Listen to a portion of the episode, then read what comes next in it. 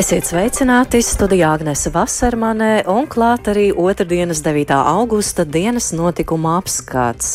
Tātad tūdaļ plašāk par šādām aktualitātēm. Valdība apstiprinājusi atbalsta plānu dažādu apkuras veidu lietotājiem. Man ir tāda sajūta, ka visu laiku cenšas uzlikt ielāpu. Viņiem tagad vajag tikai politiskos saukļus. Viņiem vajag gāzi noliekt, naftu noliekt, ar ko mēs kurināsim. Nu, kopotus rakstus. Tikai krāsnes vairs nav kur likt iekšā.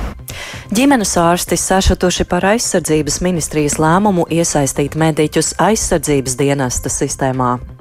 To mēs pirmo reizi dzirdam no jums, no preses. Tas ir interesanti, jo mēs netiekam pieaicināti. Mums nav tik daudz resursu, lai mēs ar esošiem tiktu galā. Un aprit divi gadi kopš prezidenta vēlēšanām Baltkrievijā, kurās par uzvarētāju kārtējo reizi pasludināja Lukašenko. Lai tiktu galā ar šo atbildību, nepietiek ar vienu cilvēku. Viens cilvēks nevar būt gan militārais ģenerālis, gan pārmaiņu simbols, gan diplomāts. Tāpēc visi tie, kas šeit ir sapulcējušies, ir vajadzīgi man. Viņi ir vajadzīgi viens otram un visiem Baltkrieviem. Par šiem un vēl citiem tematiem tūdaļ arī plašāk.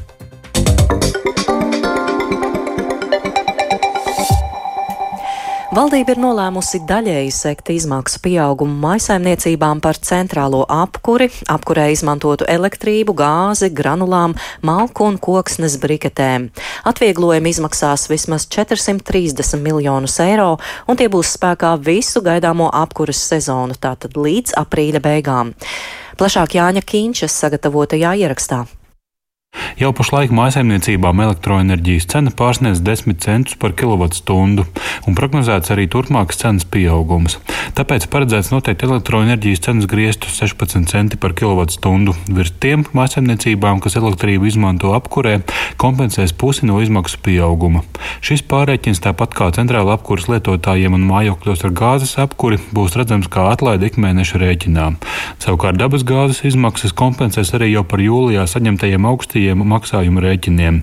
Savukārt siltumsūkņu lietotājiem piedāvās kompensāciju par patērēto elektrību virs 500 kWh.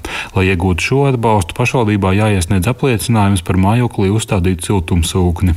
Granulu un brikašu lietotāji kompensācijā varēs saņemt pusi no summas, kas pārsniegs 300 eiro par tonu periodā kopš šā gada māja. Lai atbalstu iegūtu, būs jāiesniedz pirkuma apliecinoši dokumenti. Rasts risinājums arī par malkas izmaksu kompensēšanu, ņemot vērā, ka tā līdz šim laikam visbiežāk jau sagādāta, bet čeki nav saglabāti vai tie nemaz nav izsniegti. Par laiku kopš māja līdz septembrim visi malkas lietotāji varēs pieteikties kompensācijai, stāsta labklājības ministrs Gatis Eglītis no konservatīvajiem. Atsevišķs regulējums eh, par malu, kas ir iegādāta līdz 31. Eh, augustam eh, maisaimniecības apkurses vajadzībām. Šis regulējums tātad līdz 1. septembrim atļauj tādu vienkāršotu iesniegumu formu un attiecīgi vienkāršotu vienreizēju 60 eiro apmērā pabalstu saņemšanu no pašvaldības. Likumprojekts arī paredz papildu atbalstu senioriem, personām ar invaliditāti un apgādnieku zaudējušām personām. Tādējādi no 1. novembra līdz nākamā gada māja beigām plānoti papildu atbalsta maksājumi.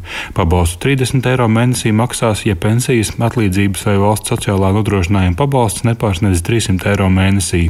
Pabalsts 20 eiro mēnesī pienāksies, ja pensijas, atlīdzības vai valsts sociālā nodrošinājuma pabalsts ir robežās no 301 līdz 509 eiro mēnesī.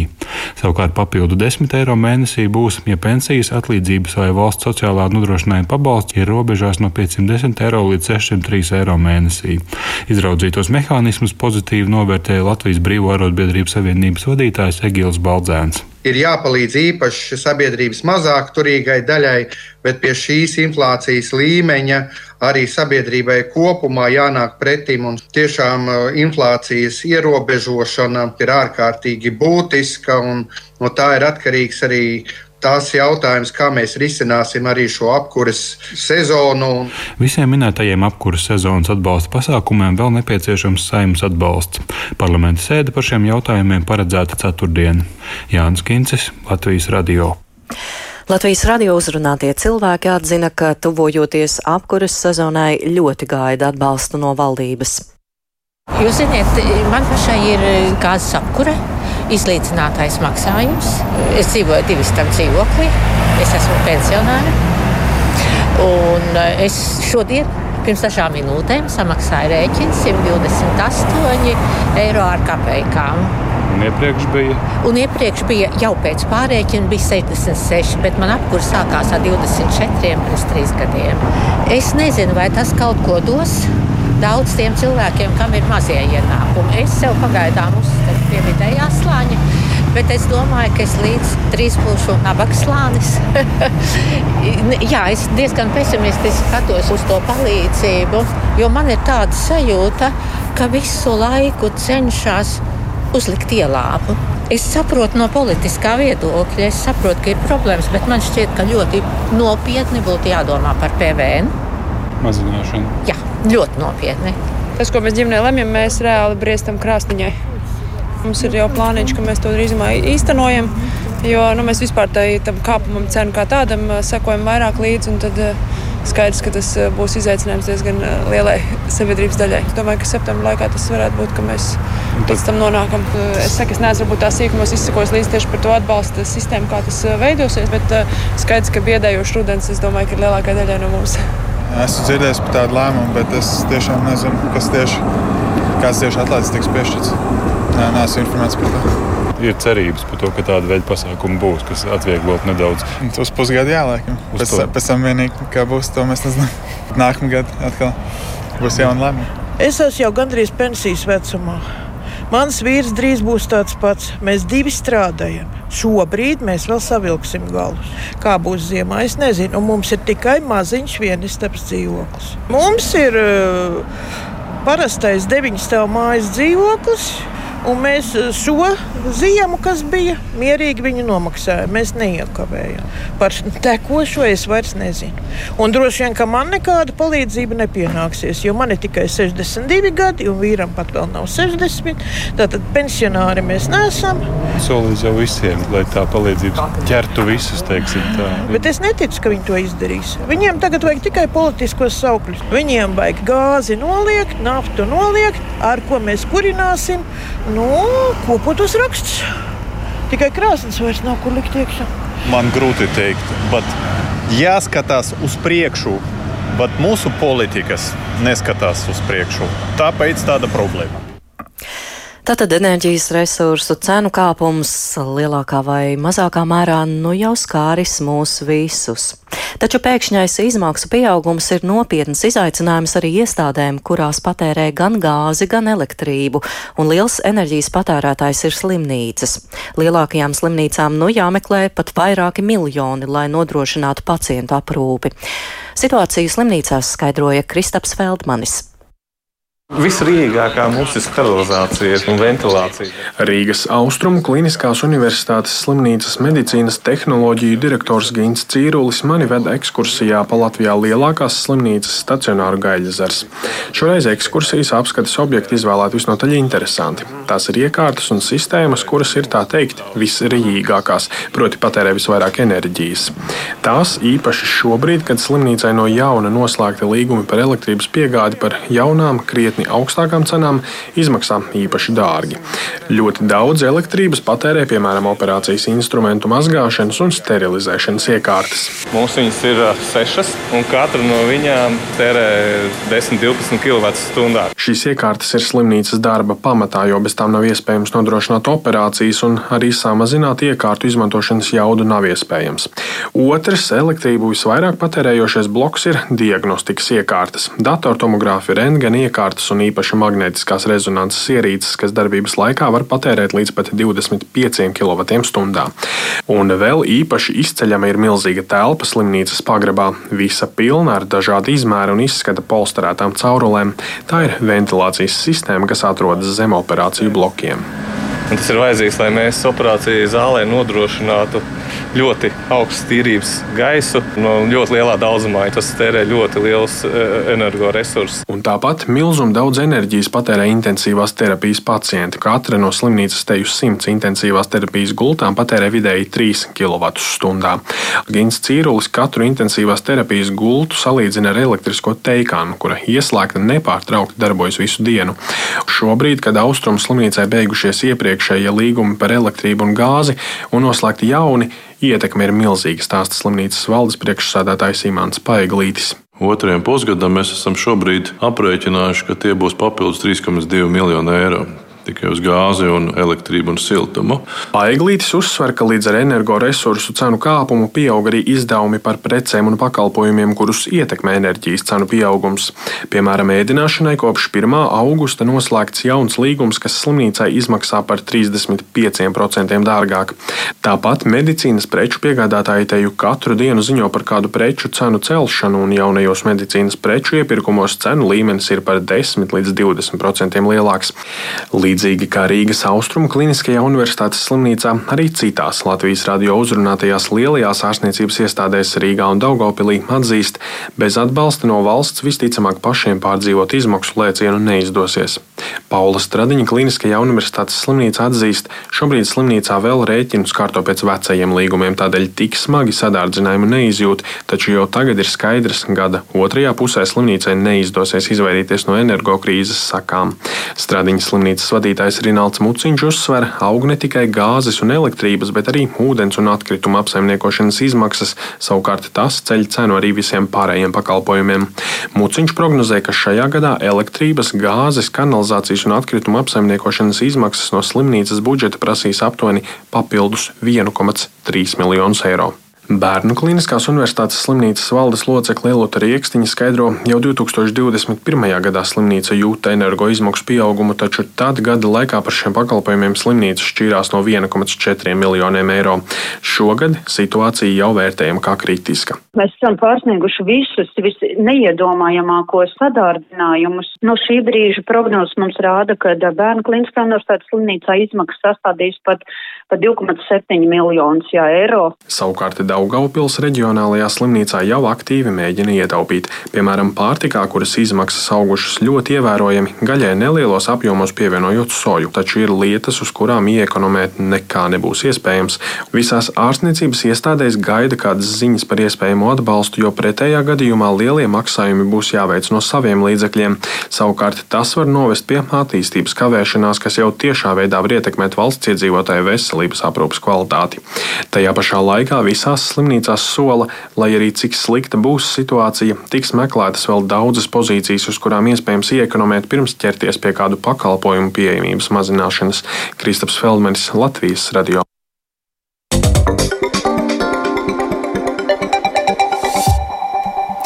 Un ziņu programmas turpinājumā pievēršamies aktualitātēm ārvalstīs. Krievija palaidusi orbītā Irānas satelītu, kuru iespējams izmantos, lai pastiprinātu militāro objektu novērošanu Ukrainā.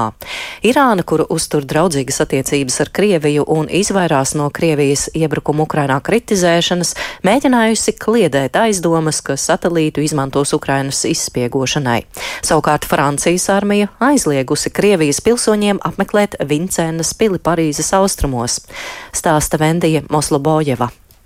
Irānas kosmosa aģentūra ziņo, ka Krievijas palaisto Irānas satelītu kontrolēs Irānas republika, un informācijai nevarēs piekļūt neviena trešā valsts. Satelīta uzdevums esot uzraudzīt valsts robežas, uzlabot lauksaimniecības produktivitāti un uzraudzīt ūdens resursus. Savukārt Francijas Vincēnas pils, kas ir viduslaiku cietoksnis un turistu apskates objekts, nav pieejama Krievijas pilsoņiem. Eiropas Savienības līmenī ir bijušas diskusijas par to, vai būtu jāierobežo Krievijas turistu vīzu izsniegšana bloka valstīs, taču lēmums vēl nav pieņemts.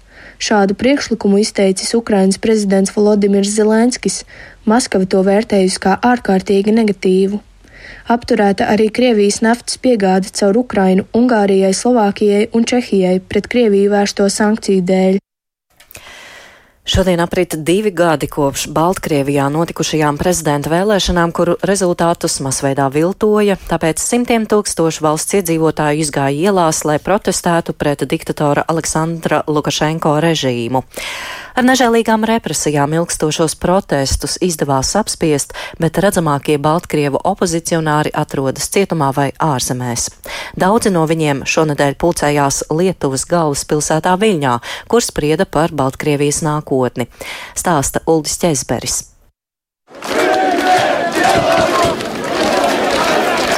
2020. gada 9. augusta vakarā Baltkrievijas galvaspilsētas Minskas ielās izgāja tūkstošiem pilsoņu, lai protestētu pret todien notikušo prezidenta vēlēšanu rezultātiem. Tie liecināja, ka ilgadējais valsts vadītājs Aleksandrs Lukašenko ir saņēmis vairāk nekā 80% atbalstu, bet viņa galvenā konkurente, opozīcijas pārstāve Sjatlana Cihanovska - 10%. Taču vēlēšanu dienā neatkarīgie novērotāji konstatēja masveidīgas balsošanas procedūras pārkāpumus, kuru mērķis bija nodrošināt Lukašenko kārtējo uzvaru. Tik acīm redzama vēlēšanu rezultātu viltošana ārkārtīgi saniknoja pēc pārmaiņām augstošos Baltkrievijas iedzīvotājus, tāpēc Minskā vairākus mēnešus katru svētdienu ielās izgāja desmitiem tūkstošiem protestētāju, lai pieprasītu Lukašenko atkāpšanos. Savukārt drošības iestādes miermīlīgajiem demonstrantiem pretī sūtīja apbruņotus kaujiniekus, kuri bez žēlastības izrēķinājās ar protestu dalībniekiem. Protestu laikā tika nogalināti vismaz desmit cilvēki, bet simtiem guva nopietnus ievainojumus. Pēc viltotajām vēlēšanām Baltkrieviju pārņēma represiju vilnis, kura rezultātā ieslodzījumā nokļuva vairāk nekā 30 tūkstoši cilvēku. Aizturētajiem protestētājiem piespriesto naudas sodu kopējā summa pārsniedz miljonu dolāru. Cilvēktiesību centrs Vjasna saskaitījis, ka pašlaik Baltkrievijā ir 1262 politieslodzītie. Viņu vidū ir arī viena no redzamākajām protestu līderēm Marija Koļesņikova. Tiesa viņai pērn piesprieda 11 gadus cietumā par sazvērestību ar mērķi sagrābt valsts varu. Daudzi Koļesņikovas līdzgaitnieki, tostarp Cihanovska un Veronika Cepkalo, ir pametuši Baltkrieviju bailēs no režīma izrēķināšanās. Daudzas rietumvalstis tieši Cihanovsku uzskata par likumīgo Baltkrievijas līderi. Šonadēļ Viļņā norisinās Cihanovskas rīkota konference Jaunā Baltkrievija, kurā pulcējās nebūt nevienotās Baltkrievu opozīcijas pārstāvji, lai spriestu par demokrātiskās kustības turpmāko stratēģiju. Uzrunājot konferences dalībniekus, Cihanovska aicināja būt vienotākiem. И чтобы справиться с этой ответственностью, недостаточно одного человека. Lai tiktu galā ar šo atbildību, nepietiek ar vienu cilvēku. Viens cilvēks nevar būt gan militārais ģenerālis, gan pārmaiņu simbols, gan diplomāts, gan pretošanās līderis, gan politieslodzīto aizstāvis, gan finanšu ministrs. Tāpēc visi tie, kas šeit ir sapulcējušies, ir vajadzīgi man. Viņi ir vajadzīgi viens otram un visiem Baltkrieviem. Un mandāts, ko jūs man uzticējāt pirms diviem gadiem, darbojas tikai tad, ja man ir kā kāds, ko paņemt aiz rokas, lai mēs stāvētu viens otram blakus, nevis viens pret otru. Tāpēc tikai no mums pašiem ir atkarīgs, vai mēs dursim viens otram mugurā vai stiprināsim viens otru, lai nākotnē Baltkrievijas tauta varētu izdarīt savu izvēli par jums, jaunajiem demokrātiskajiem līderiem. Svjatlana Cihanovska arī uzskata, ka Baltkrievijas likteni lielā mērā noteiks tas, kā beigsies Krievijas izraisītais karš Ukrainā. Viņa ir pārliecināta, ka Ukrainas uzvara karā būs nāvējoša Lukašenko režīmam. Arī starptautiskā sabiedrība nav aizmirsusi divus gadus senos notikumus Baltkrievijā. Latvijas ārlietu ministrija paziņoja, ka mūsu valsts atbalsta Baltkrievu tautu tās cīņā pret diktatūru, bet Igaunijas ārlietu ministrs Urmas Sreinsalo uzsvēra, ka Eiropas Savienība turpinās īstenot sankcijas pret Lukašenko režīmu līdz brīdim, kad tas pārstās veikt represijas pret saviem iedzīvotājiem un atbalstīt Krieviju. Savukārt Lietuvas ārlietu ministrs Gabriēļus Landsbergis aicināja pasauli aktīvāk palīdzēt Baltkrieviem īstenot savu mērķi pēc iespējas drīzāk sarīkot demokrātiskas vēlēšanas savā valstī. Uldis Česberis, Latvijas radio. Vismaz trīs cilvēki ir nogalināti un desmitiem ievainoti Izraēlas spēku uzbrukumā okupētajā rietumkrasta pilsētā Nāblusā. Uzbrukumā aizturēja četrus aizdomās turētus islāma džihādistu grupējuma locekļus. Militārā operācija ir notikusi divas dienas pēc tam, kad Izraēla un Gazas joslā grupējums islāma džihāds noslēdza pamieru pēc vairākas dienas ilgušiem raķešu uzbrukumiem. Turpina Vendija Maslabojeva. Starp bojāgājušajiem šodienas uzbrukumā kādai ēkai ir grupējuma Al-Aksas mocekļu brigādes augsta ranga komandieris, tā ziņo Izraēlas militāra personas. Uzbrukumā iesaistījās palestīniešu drošības spēki un sadursmes ar Izraēlas armiju izcēlās arī citviet pilsētā. Izraēlas drošības spēki pēdējo mēnešu laikā ir veikuši vairākas nāvējošas operācijas, koncentrējoties uz islāma džihādistu kaujiniekiem. Al-Aksas mocekļu brigāde paziņojusi, ka grupējuma atbilde Izrēlai būs atbilstoša Izrēlas pastrādātajam noziegumam.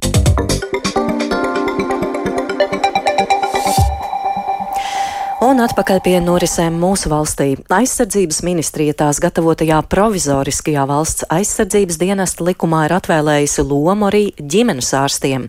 Paredzēts, ka ģimenes ārsti būtu tie, kuri savas prakses pacientus iesaucamos pārbaudīs un noteiks viņu atbilstību dienestam. Taču tam nepiekrīt ģimenes ārsti, kuri ir sašutuši, ka šāda ideja radusies pat nepārunājot šo jautājumu ar viņiem. Tematu turpina Kristaps Feldmanis. Provizoriskajā valsts aizsardzības dienesta likumā sava loma atvēlēta arī ģimenes ārstiem, kuriem būtu jāizvērtē savas prakses pacientu iesaucamo atbilstību dienestam. Tikmēr ģimenes ārstu asociācijas vadītājs Sarmīta Veide sakās šādu ierosinājumu pirmo reizi dzirdot no medijiem, jo pati ministrija ar ģimenes ārstiem šo jautājumu nav nec pārunājusi, nec saskaņojusi. To mēs pirmo reizi dzirdam no jums, no preses. Tas ir interesanti, jo mēs netiekam pieaicināti. Otrs ir tas, ka tas mums būs atkal jauns pienākums. Mums jau šobrīd ir sloks palielinās, un mēs jau šobrīd domājam, kā pagarināt pieņemšanu. Tas ir diezgan nereāli uzlikt šādu papildus funkciju. Mēs mhm. pilnīgi neaugstam vēl papildus funkcijas. Mums nav tik daudz resursu, lai mēs ar esošiem tiktu galā. Tikmēr aizsardzības ministrijas valsts sekretārs Jānis Garisons skaidro, šobrīd likums ir vien izstrādes stadijā un vēl nenosaka ģimenes ārstiem papildus pienākumus, taču Garisons uzskata, ka ģimenes ārstiem tomēr būtu jāuzņemas arī šīs darbs skatoties no tām citu valstu pieredzēm,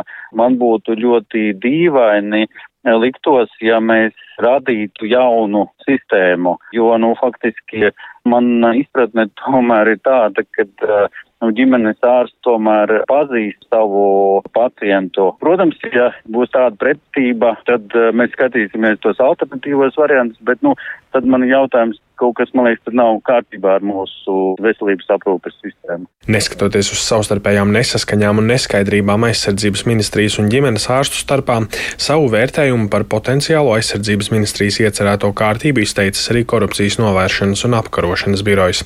Biroja politikas plānošanas un komunikācijas pārvaldes priekšniece Anna Aļošina norāda, nenoliedzami situācijā, ja par konkrētu cilvēku atbilstību dienestam lems ģimenes ārsts, pastāv atsevišķi korupcijas riski, par kuriem jādomā. Ir jābūt noteiktām vienotām prasībām vai vienotiem kritērijiem, lai ģimenes ārsts varētu pieņemt lēmumu par dienestā iesaucamā jaunieša veselības stāvokli, tātad, lai izvairītos no dažādām interpretācijas situācijām vai nevienlīdzīgām attieksmes radīšanas situācijām.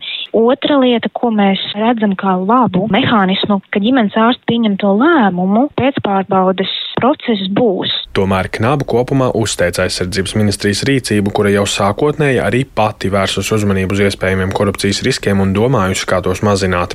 Savukārt ģimenes ārstu asociācijas vadītājs Armīta Veide daudz sīkāk jautājumu par iespējamo korupciju nevarēja komentēt, norādot, ka gadījumā, ja ārsti būtu iesaistīti ministrijas provizoriskā likuma izstrādē, tad par šiem jautājumiem noteikti būtu domāts kopā. Kristaps Feldmanis, Latvijas radio.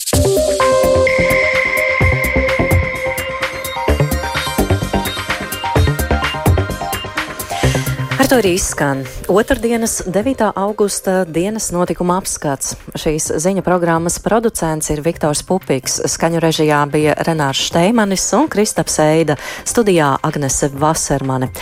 Vēlreiz par būtiskāko. Valdība apstiprinājusi atbalsta plānu dažādu apkurus veidu lietotājiem. Atbalsts būs spēkā visu gaidāmo apkurus sezonu līdz aprīļa beigām. Ģimenes ārsti sašutuši par aizsardzības ministrijas lēmumu iesaistīt mediķus aizsardzības dienesta sistēmā. Krievijas raķete nogādājusi orbītā Irānas satelītu. To iespējams izmantos, lai pastiprinātu militāro objektu novērošanu Ukrainā. Un aprit divi gadi kopš prezidenta vēlēšanām Baltkrievijā. Tajās, kā zināms, par uzvarētāju kārtēju reizi pasludināja Aleksandru Lukašenko. Yeah.